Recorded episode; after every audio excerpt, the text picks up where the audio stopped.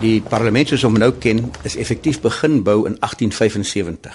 En dit is gebou as die ou Kaapse parlement. Wat op daai stadium as die Kaap Kaapkolonie onder Britse beheer, hulle tenders gevra het eintlik, het 'n prys gegee vir 250 pond vir die ou wat dit gekry het. 'n Pragtige ding ontwerp, soos hy nou lyk, met een verskil net. Hy het 'n verskriklike koepel bo, 'n dome soos Amerika se Capitol het hy beplan. Toe begin hulle bou. Toe kom hulle agter nommer 1, dis baie waterig hier. Onthou Jan van Riebeeck het sy tuin hier gemaak want die water kom uit die berg uit hier af. Toe moet hulle so diep afgrawe voor hulle rots kan kry dat die kostes begin hardloop. Uiteindelik is daar nie geld gewees om die koepel bo-op te bou nie, so hy het nou 'n plat dak.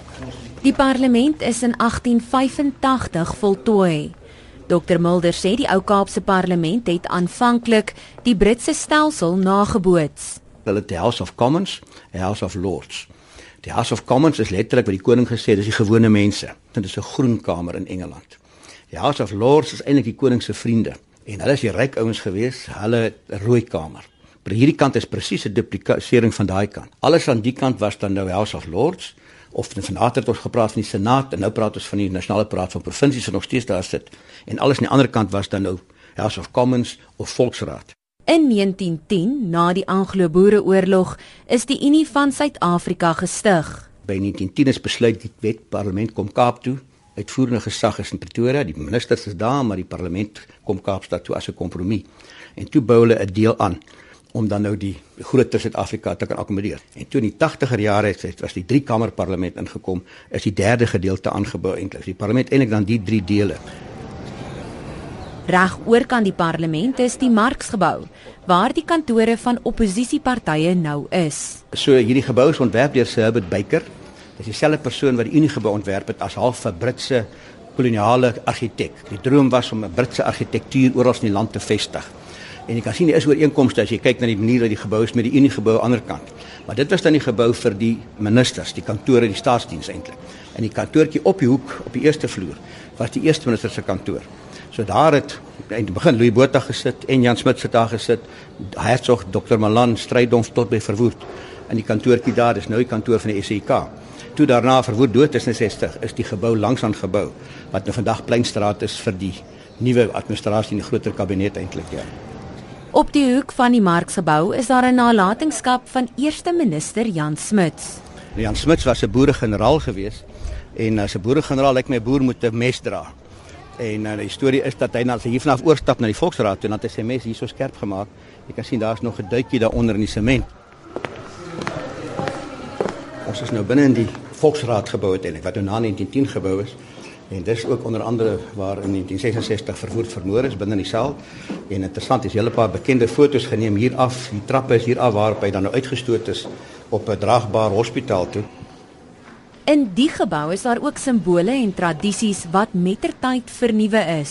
Dis die simbole van die parlement. Nou die spreker, die parlement soort van het gesag as die amptstaf in die raad is, dan is die raad in sitting en dit dra sy gesag oor dan is die besluite wettig en alles geldig uiteindelik. So dis die ou amptstaf uiteindelik. Ek sien is nog voor 94 sin eendrag maak mag en die vier provinsiese wapens daarop na alkante toe. Hierdie kant is die nuwe ene wat ons tans gebruik uiteindelik met bietjie geskiedenis daarmee saam. Daar is die grondwet daarbo. Dit wat nou die eetsaal in die parlement is, het voorheen 'n belangriker funksie vervul. Hier is dan die 1885 se House of Commons, eintlik die Volksraad van daai tyd, die Groenkamer of die Eerste Kamer. Intussen is hy omskep in 'n eetsaal, maar jy kan sien hier is die galery nog steeds waar die mense gesit het. Die spreker se stoel het aan daai kant gestaan. Hier's nou 'n paar foto's van die geskiedenis al van die onderhandelinge teen die mure. In die ou dae, ou dae is nou voor 94, het hier in elkeen van die 'n foto gehang van die eerste minister. So hier was nou Smuts en Botha en Hertzog en almal. En ons het voorgestel en gehoop ons kan dit so behou om te sê kom ons sit net nou Mandela by, ons kan selfs vir Tambo bysit as dit moet maar in die 94 klimaat is alle fotos afgehaal en staan onder in die kelder. En dit is hier waar jy vinnig kan uitvind wie skaar hulle self by wie. As dit donderdag kokes is en al daar spanning is in die NP of spanning in die KP of wat ook al, dan kyk jy as die manne uitkom na die kokes. Wie gespanne, wie sit by wie, wie beklei met wie, watter tafels sal nie met mekaar praat nie. En dan kan jy nogal voorspellings maak oor watter skeurings gaan daar kom en wie sal watter faksie hier sit dan. En dan baie keer is daar wyn by gewees en dis altyd 'n risiko dat die draad kan lawaaierig raak daarna as jy man 'n wyn drink hier so ja. As jy heel bo kyk daar, jy sien daar's 'n wapen Spacebona. Dis die ou Kaapse wapen. Maar dis die Kaapse parlement gewees. Spesbou na goeie hoop. Hy is nog daar bo vas. Ek dink hy's ingesement daar so hy's nog nie verwyder nie. Die parlement se biblioteek is soos iets uit 'n storieverhaal. As jy nou Sherlock Holmes aanhanger is of jy lees Harry Potter, sal jy ietsie kry van daai Britse atmosfeer van hierdie soort van ou geboue en ou biblioteke. As jy opkyk 3, 4, 5 vloere van boeke met lang leere wat die boeke bo kry en hout reg rondom. En die biblioteek is veronderstel vir parlementslede om jou te help met 'n toespraak, met voorbereiding, met wat ook al. Jy sal wel die Hansard hier sou kry.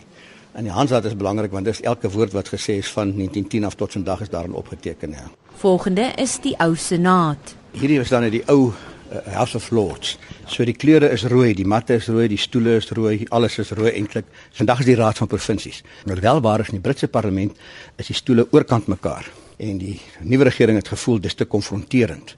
So waar die spreekstoel daar gestaan het en die banke weerskante was en mekaar gekonfronteer het, die spreekstoel nou aan die kant toe geskuif en nou sit 'n halfmaan wat nou meer versoenend is gedagte gewees, 'n bietjie meer saampraat. Jy beklei moeiliker met ou wat langs jou sit as 'n ou wat oorkant jou sit. En die ou volksraad Die Groenbanke, 1910 was dit dan die saal was. Van 1910 tot 94 het daar is hier gesit. Word nou gebruik hoofsaaklik vir 'n kokeskamer deur die ANC of vir komitees. Tans is hierdie komitee besig. Die regering sit aan die regterkant, die oppositie sit aan die linkerkant van die spreker wat in die middel sit. Kom ek sê liggies hier bo is die liggies eintlik. Daar's 'n rooi liggie, daar's 'n groen liggie en daar's 'n oranje liggie. As daar 'n stemmery plaasvind of as die uh, saal begin sit, dan lui die klokkies vir 5 minute en dan sal die betrokke lig hier nou flikker om te sê dis nou na die rooi saal toe dis die raad van provinsies of dit gaan na hierdie een toe dan weet jy wie's dit nou as die raad klaar is dan vandag hy dan lê ook 'n bietjie om te weet daai daai raad is klaar maar hierdie is nog nie klaar nie In die parlement word verskillende dele van Suid-Afrika se geskiedenis vandag nog uitgestal Hierdie is 'n twee boeke weerskante en dit is 'n ere rol vir Suid-Afrikaanse soldate in die Eerste Wêreldoorlog en in die Tweede Wêreldoorlog wat gesneuwel het. En as jy daar kyk is daar 'n artikel van die dame wat dit gedoen het. Die hele boek geskryf in suurskrif. Dis haar bydrae tot die oorlog. Weer 'n keer tot onlangs nog is die boek geblaai elke dag. So elke dag kan iemand anders se name bo kom. Dat almal wat dood is bo kom, ook die swart korps wat dood is in die oorlog geveg het, dan name kom bo uiteindelik. Hierso interessant ding. Is 'n uh, ou Suid-Afrikaanse vlag met 'n klein daarso 'n klein balletjie, né? En dit gaan daaroor dat uh, Apollo 11 maan toe was en terug en dat uh, hulle lande wat wou kon 'n vlaggie gestuur het. Ons het daai vlaggie gestuur. En die vlaggie is in die ruimte tuig saam op na die maan toe en terug. En omdat jou land se vlag op is, lof jy teruggestuur en dan daar is maanrots wat die Amerikaners dan stuur vir die lande wat saamgegaan het. So dit was eintlik van Richard Nixon af geskenk aan Suid-Afrika. Die vlaggie was op die maan en daar's 'n stukkie maanrots vir Suid-Afrika hierso. In die museum word weer baie koloniale geskiedenis uitgestal. Om bietjie van die goed te bou het ons gevra dat daar 'n museum kom. Hier's byvoorbeeld 'n stoel van die speaker uit die ou Kaapse parlement. Nou wat verder waar was, omdat jy 'n kolonie is van Engeland. As daar 'n nuwe koning of koningin in Engeland kom, dan stuur hulle vir jou koning en die koningin skildery aan. En dit moet hang in al die kolonies in Australië, in Nieu-Seeland, in Kanada en Suid-Afrika. Na die skildery vir jou stuur, stuur vir jou rekening. Dan betaal jy daarvoor en dan stuur vir jou stoele ook saam. En die stoele as jy sien, net die koning sit op die stoel, daar's nou Rex daar opgeskryf het, Elizabeth Rex. En as die koning hier kom, dan sit hy op sy eie stoel. Die wandelgang in die parlement het sy eie spesiale plek in geskiedenis. Ons staan nou tegnies in die wandelgang. Die wandelgang loop reg rondom die Volksraad dan of die ou House of Commons eintlik. En in die ou dae jy onthou baie keer staan daar geskryf in die wandelgang gehoor. En dit het die lobby het dit gesê, die wandelgang dit. Nou daai tyd mag net parlementslede in die wandelgang beweeg, niemand anders nie en dan seker joernaliste. 'n Paar joernaliste 10 of so het spesiale wandelgang permitte. So dan as die oomies nou lank gekuier het in debatte, dan kom rook hy in die wandelgang. Dan kom joernalis langs ons en hoe dink jy gaan hulle daai minister afdank, gaan hom nie afdank nie. En dan verskyn die berig môre in die wandelgang het ons hoor daar spanning in hierdie party of daar kom 'n skeuring hier in die soort van goeters. Hier beweeg ons nou oor van die wat ek dan noem in 1910 parlement as jy hom sou wil bewoord het eintlik na die nuwe in die 80 jare sin. Kan sien onmiddellik die styl verander 'n bietjie. Hier's nou die nuwe gedeelte en dit was later die drie kamer parlement die kant toe. En so ek sê die hele aktiwiteit het nou hier nou toe geskuif. So jy kan sien die vloer is anderste en die uitleg lyk 'n bietjie anders. Hy's 'n bietjie meer etnies, bietjie meer Afrika die kant amper ja. Maar dieselfde beginsel regerings aan die regterkant, oppositie aan die linkerkant. Nou, hoe meer senior jy is, meer voorbank, hoe meer junior jy is, meer 'n agterbank in daardie geval.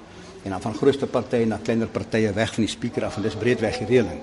In die ou volksraad het ons gestem nog met 'n sandloper wat tradisie was wat omgedraai word as jy stem. En hy loop vir 3 minute lank die sandlopers op Britse tradisies. Dan lui die klokkies deur die hele gebou dat jy as jy in die kantoor is of iewers tee drink, jy dadelik kan kom om te stem. As jy binne is, moet jy stem. En dan sê hulle wie staan gedag. Te gunste sê ai, dan skryf jy ai of daarteen skree nee, dan skryf jy nee.